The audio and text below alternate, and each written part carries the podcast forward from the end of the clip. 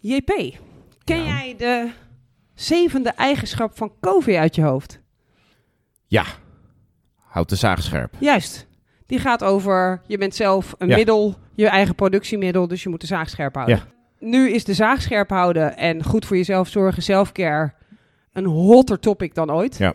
We hebben allemaal veel geleden en eh, we moeten goed voor onszelf zorgen. Of je nou L&D'er bent, ZZP'er bent, trainer bent of eh, training geeft over hoe je goed voor jezelf Ja. zorgt.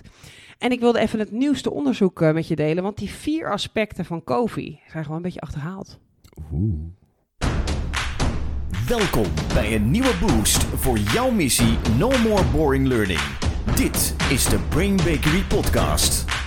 Wat lekker dat je luistert naar een hele nieuwe aflevering van onze podcast. Je hebt er al gehoord, hier is Sjane. Ah, Jan-Peter, Ja. wat lekker dat je er weer bent. We gaan het hebben over selfcare. Ja. Ehm eh, er is een mevrouw, en die moet je allemaal even opzoeken. Eh, ga haar TED-talk ook luisteren. We delen het allemaal op www.nomorebooringlearning.nl. Staat ook haar, eh, ze heeft ook een vragenlijst erbij. En haar naam is dokter, ze is ook een medisch arts, Hmm. Sondra Dalton Smith. Kijk. Sondra Dalton Smith, die heeft een onderzoek gedaan en die heeft eigenlijk ontdekt... Leuk dat we vier, dachten dat we vier soorten van ontspanning hadden en, en de zaag scherp houden. Maar die zegt, eigenlijk hebben we als mens zeven soorten rust nodig. En die zegt, heel veel mensen die zijn dan goed bezig met hun eten en met hun sporten en met dat soort dingen. En die gaan naar bed, die worden 's ochtends wakker en die zijn toch nog steeds moe. Ja. En zij zegt, als je nou eens gaat kijken door de bril van zeven aspecten van rust, zeven thema's rondom je rust pakken en goed voor jezelf zorgen, dan kom je veel verder. Zij heeft er ook een testje bij, kun je invullen. Ik moet zeggen, het zijn heel veel vragen, dus ik ben halverwege gestopt. Ik had het geduld gewoon niet. Ja, ik wil zeggen, werd er je moe? Of, eh, Ik word er heel moe Ja. van. Ehm, maar heel leuk om in te vullen. En vervolgens krijg je er dan uit van op welke aspecten van rust zou het heel goed zijn als jij Oh, wat wat harder werkte. Ja. Of wat slimmer kon, aan de slag kon Ja. zijn. Want heel veel mensen denken, ik doe het al best wel goed. En dan blijkt er toch iets anders nodig te zijn. Dus wat ik wil doen in deze podcast is jullie allemaal meenemen in die zeven aspecten van rust. En je vragen om ofwel lekker te noteren voor je deelnemers, ofwel voor jezelf te noteren. hey, welke doe ik al goed? Welke valt misschien nog wat winst te behalen? Ja. Waarbij van tevoren al belangrijk is, ga nou niet op zeven aspecten winst proberen te behalen, maar dan word je natuurlijk helemaal gek en burn-out. En de burn-out die je dan juist wilt voorkomen, die komt dan nog Ja. harder op je af. Ja. Dus ga nou eens op zoek en luister naar welke twee dingen zouden nog goed zijn voor mij, zodat ik nog weer met voller plezier en enthousiasme kan trainen. Dat ik een, een leukere papa of mama ben thuis. Dat ik een fijnere partner ben. Dat ik het beter doe op mijn werk. Welke van de zeven geeft voor jou wat kans op winst? Kijk, we gaan. We gaan beginnen met Ja. de eerste. Ik begin even met de reeds bekende. Dat is natuurlijk fysiek. Ja. Maar wat belangrijk daarbij is, is dat je zowel passief als actief fysiek bezig kunt zijn. En dat dat allebei leidt tot rust. Ehm, dus dat wil zeggen dat als ik ga hardlopen, Mhm. of op de crosstrainer ga staan, of aan gewichtheffen ga doen, of lekker een uurtje ga tennissen, of eh, ga yogaan, dan ben je heel actief bezig met je lijf naar ontspanning toe te brengen. Dat is een hele lekkere. Maar je kunt natuurlijk ook passief ontspannen, je rust pakken, je kunt mediteren, je kunt aan journaling doen, je kunt zorgen dat je lijf tot rust komt, een massage boeken, een jacuzzi in je tuin zetten. Je kunt via actief eh, je lichaam tot ontspanning brengen, maar ook op de passieve manier. En hier hoort natuurlijk ook het eten bij. Hoeveel gezonde spullen stop je in je lichaam, waar Ja. je lichaam een beetje moeite voor moet doen om dat te verteren. En hoeveel frikandellen gooi je langs de snelweg achterin het ruim. Mm, lekker. Maar nee, niet Nee. gezond. Oké, dus voor de duidelijkheid. Zij zegt dus, dus hardlopen, daarmee breng je je lichaam naar Rust. rust, toe. Ja. Dus dat valt hieronder Absoluut. een van die soorten. Ja, ja. want wat we weten, en dat zegt zij niet zo heel erg hoor in haar TED Talk, maar wat wij weten is dat op het moment dat je veel dingen meemaakt, eh, dan maak je veel adrenaline aan. Als je dan niet beweegt, dan gaat die adrenaline verzuren en die gaat in je spieren zitten. En dat voel je dan als vermoeidheid, terwijl je eigenlijk fysiek niks gedaan hebt. En wat er dan gebeurt op het moment dat je dan gaat hardlopen of wandelen, dan gebruik je die adrenaline die je had aangemaakt. En dan voelen je spieren ineens, hè, lekker, die verzuring is eruit. En dan heb je dus je spieren helpen ontspannen. Mm, goeie. Heel lekker. Ja. Tweede, Ja. mentale rust. Ja. Dit zit hem heel erg in. Zorg ik dat ik op vrijdagmiddag een lijstje maak wat ik niet moet vergeten maandag, dinsdag, woensdag? Zorg ik dat ik een to-do-lijstje ergens heb, wat ik ook weer plan in mijn agenda, waardoor ik weet, oké, ik heb niet die 70 herinneringen Ja, in mijn hoofd die ja. de hele dag aangaan. Oh, ja. Zorg ik ook dat als ik een to-do-lijstje heb, dat ik daar prioriteiten in aanbreng. Want ik weet, deze moeten vandaag en deze 37 andere komen op een ander moment. Dus zorg je dat je niet als je naar je agenda kijkt, dat je alleen maar vergaderingen ziet en geen tijd om je werk te doen. Zorg je ervoor dat je goede met lijstjes bezig bent, dat je dingen opschrijft. Dat als je merkt dat je naar bed gaat en denkt, oh ja, dat moet ik morgen niet vergeten. Neem je dan even de tijd, schrijf het even op. Waardoor je niet halverwege de nacht Ja. nog denkt, wat was het ook alweer dat ik niet moest vergeten? Waardoor je dat weer kwijt bent. Dus het zorgen voor mentale rust. Eh, doe je goede wrap-up. Doe ook, heel veel mensen doen dat tegenwoordig, een soort downtime, down ritueel. Dus hoe ga ik van mijn actieve dag naar s'avonds de het spitsuur met kinderen, de sporten, weet ik veel wat, naar slapen. Wat zit daartussen? Zit daar, ik doe even een lekkere kaars aan en dan ga ik eens even niet 600 me opwinden over 600 afschuwelijke twitteraars. En ik doe ook niet, oh ja, nu doe ik de Netflix uit en ik probeer in bed te komen. Maar doe ik nog iets waardoor ik mentaal eventjes afkoppel voordat ik naar mijn bed ga. Ja. Dat is hoorde, mentale rust. ik hoorde over downtime gesproken laatst van iemand die zei dat thuiswerken eh, door, door COVID natuurlijk gestimuleerd was en dat het heel lekker was. Ja. Maar dat iemand heel erg miste om dan een half uurtje, normaal gesproken na een werkdag, in de trein te zitten. Om even los te kunnen komen van werk. Ja. Valt dat onder, eh, onder zo'n downtime? Eh, nee, nee, het gaat over mentale rust. Dus het gaat erover dat je zorgt dat je mentale rust hebt. Dus als je ineens eh, niet meer die mentale rust per ongeluk krijgt omdat je in die auto zit, dat je je realiseert, die mis ik nu, omdat ik die auto niet meer heb. En dat je hem dan op een andere manier Ah, ja. ervoor zorg draagt. Dus het Ja. gaat over het, in die zin klopt die hè, maar, maar het gaat erover, zorg ik dat ik mentale rust heb? Ja. Of, of overkomt het me per ongeluk omdat ik in die auto zit? Ja. ja. We gaan naar nummer drie. Drie, sociaal. Dit gaat er heel erg over dat je gewoon bruut eerlijk gaat rondkijken bij je familie en vrienden. Dat je gaat kijken van wie krijg ik energie Oh. en wie kost mij energie. Dit wordt- dit wordt een Eh, spannende. Ja, en dat betekent dat je heel erg goed gaat kijken naar van wie weet ik dat als ik een, een appje stuur van hey, dit is me gelukt, dat ze gaan zeggen wauw, te gek. Wie kan mij ophypen? Wie gaat zorgen dat ik me lekker in mijn vel voel als ik ze bel of contact of app of als ik ze zie? En bij wie denk ik, oh ja, ja, daar moet ik me verdedigen. Dat kost me heel veel energie. Die stellen geen vragen aan mij. Ja. Bij wie merk ik eigenlijk dat ik misschien altijd al een beetje tegenzin heb? En hoe kan ik daar een goede balans in creëren? Want je kunt dus sociale onrust hebben, energie lekken bij mensen, maar ook sociaal energie opdoen. Organiseer ik vaak genoeg dat ik even lekker uit eten ga met mijn schatje? Eh, zorg ik dat ik daar en daar een borreltje met die persoon haal? Zorg ik dat de mensen die echt heel goed voor me zijn, dat ik die vaker zie? Ja. Of laat ik het een beetje op zijn beloop en ga ik alleen bij die drie familieleden die me allemaal energie kosten langs? Dus daar gaat het sociale stuk over. Met wie werk ik graag samen? Kan ik dat vaker doen met die persoon? En met wie vind ik het eigenlijk een lode last? En kan ik beter zeggen, nou, het komt niet uit. Eh, of laten we het één keer per maand gaan doen, in plaats van drie keer in de week.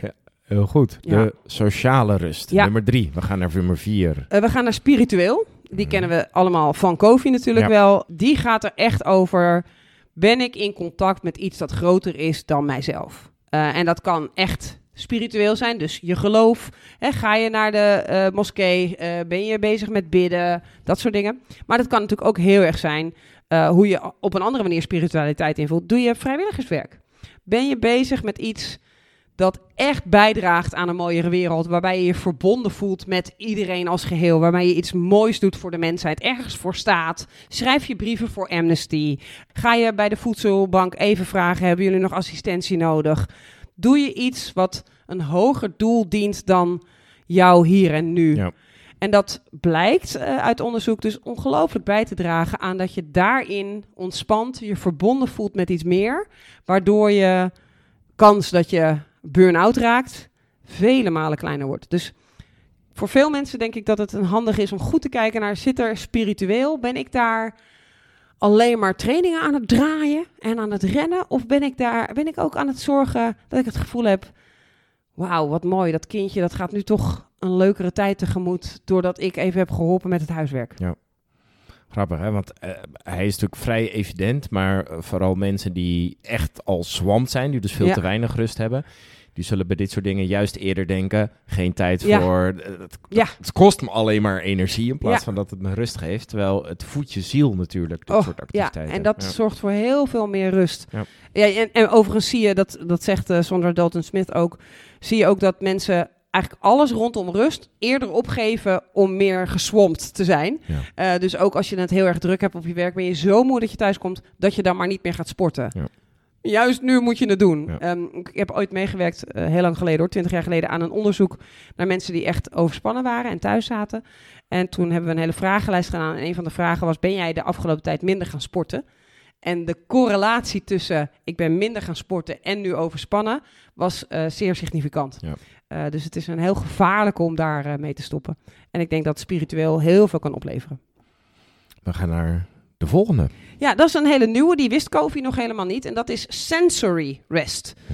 Dat wil zeggen, wij worden de hele dag nu Ah. gebombardeerd Ja. met 86 TikTok-filmpjes. We hebben op Spotify een aanbod van... Hè, je zet niet meer een LP op en je moet kiezen tussen jouw 50 LP's. Nee, je hebt 6 miljoen nummers en playlists die je kunt doen. Dus Ja. qua zintuigen en zeker visueel worden we overloaded met ontzettend veel. Je loopt ergens, je hoort daar een gesprek, je bent daar. Dus onze sensoren zijn ook een beetje overloaded. Ja.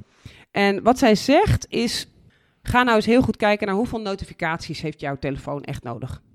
Eh, wil jij echt iedere keer als het een klein beetje glad op de weg is, ploep in je beeld iets zien? Is, en als dat belangrijk is voor je werk, doe het natuurlijk. Maar is die nodig? Hoeveel notificaties heb je aanstaan? Andere wat ze zegt is, steek je nog wel eens een kaarsje aan en sta je gewoon even in de vlam. Ja. In plaats van, nou, ik heb even niks te doen. Ja, dan toch maar even checken of er nog wat gebeurt op Instagram. of toch NOS en toch even nu.nl.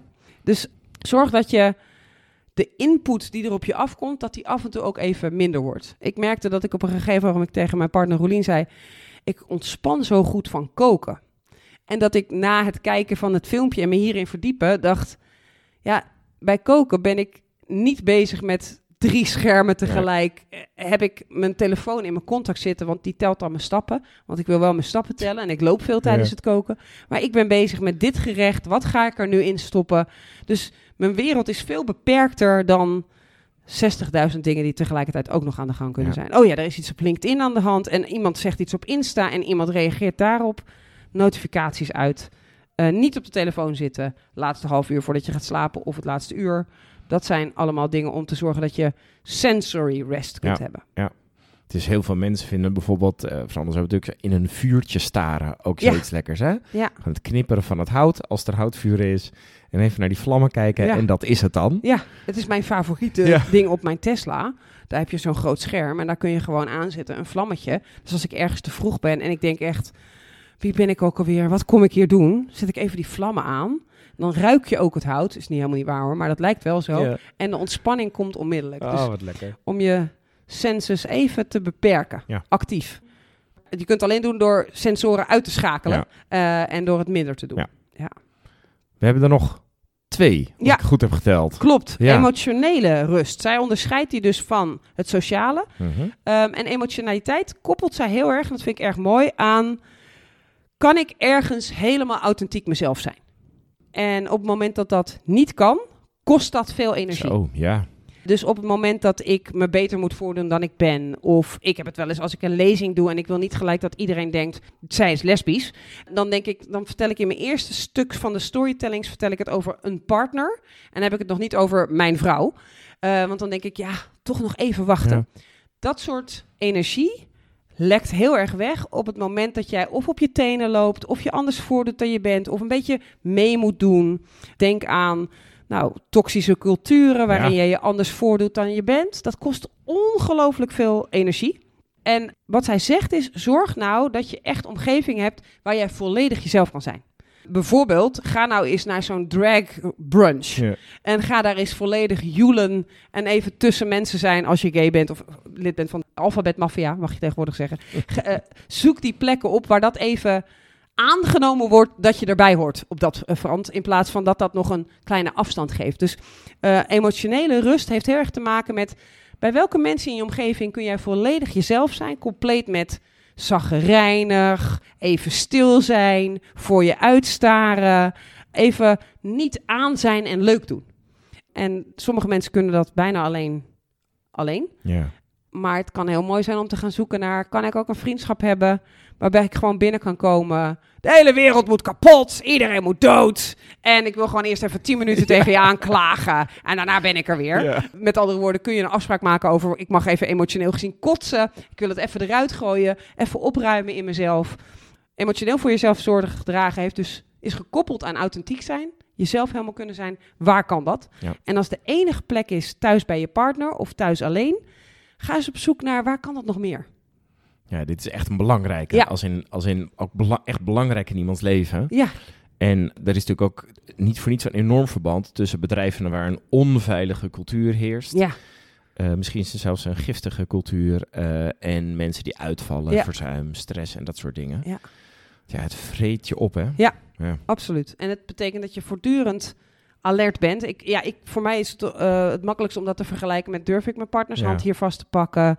Je bent toch aan het scannen. Kan ik mezelf... Oh, ho, even mijn gezicht managen. Even leuker me voordoen dan ik ben. Of dan dat ik op dit moment kan geven. Dus ehm, kijk waar dat kan. Ja. En, eh, en, en vergroot daar de ruimte. Wel, wel mooi dat ze, die, dat ze die apart noemt, inderdaad. Omdat het zo'n belangrijk element is. Ja. ja. We gaan naar de laatste. En de laatste is creatieve rust. Dat klinkt bijna tegenstrijdig. Ja.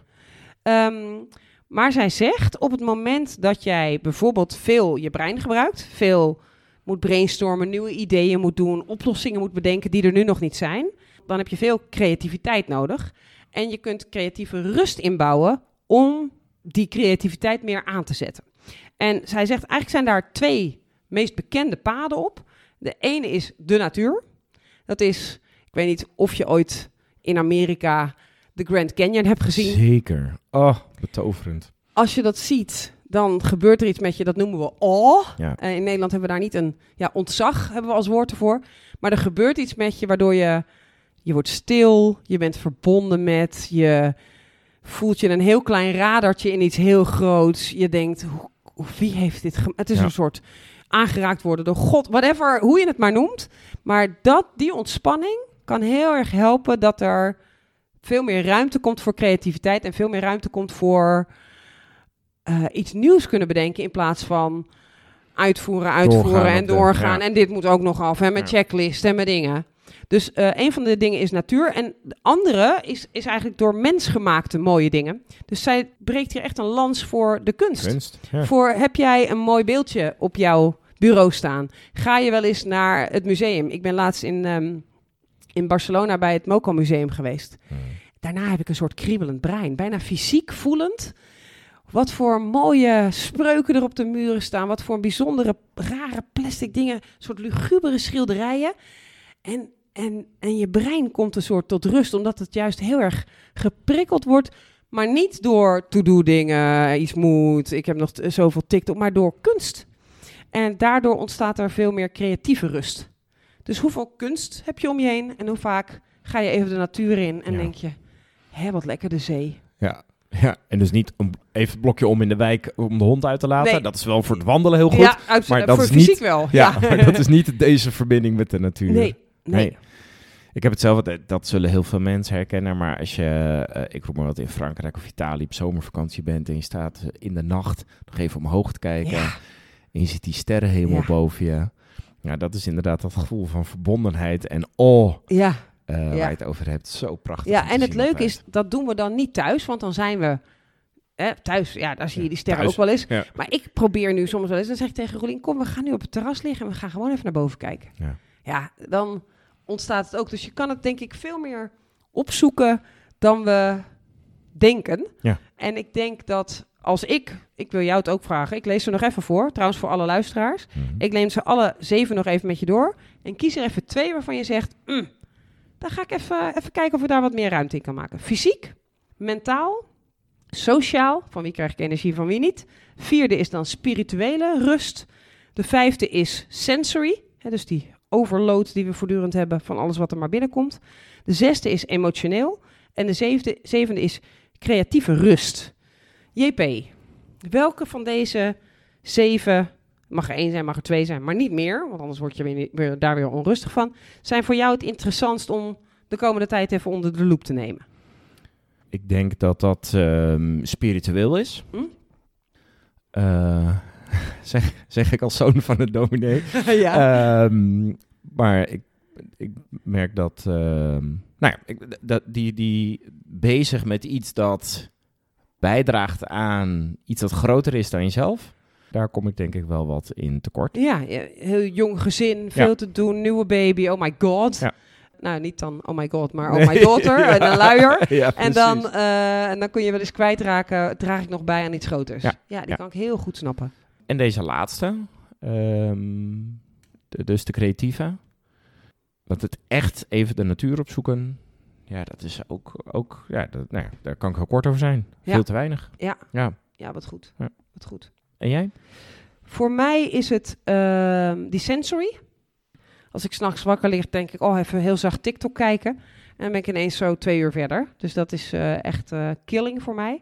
Eh, dus daar wil ik een ritueel op richten.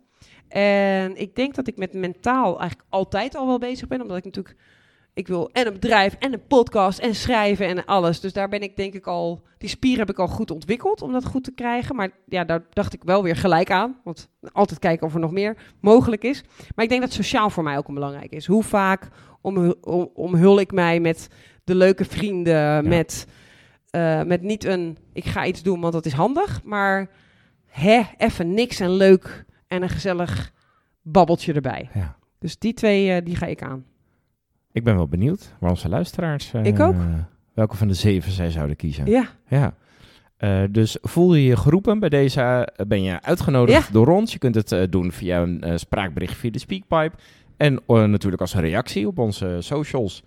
misschien kunnen we op LinkedIn een soort zo'n ding doen. Een poll. poll. Ja, Ja. kunnen we ook even doen. Ja.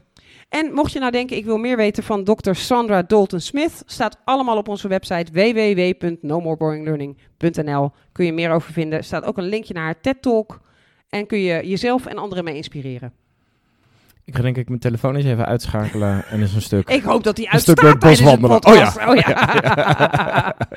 Heel erg bedankt voor het luisteren allemaal. En heel graag tot de volgende aflevering. No more boring learning. Dit was de Brain Bakery podcast. Wil je meer weten? Kijk dan op brainbakery.com of volg ons op onze socials.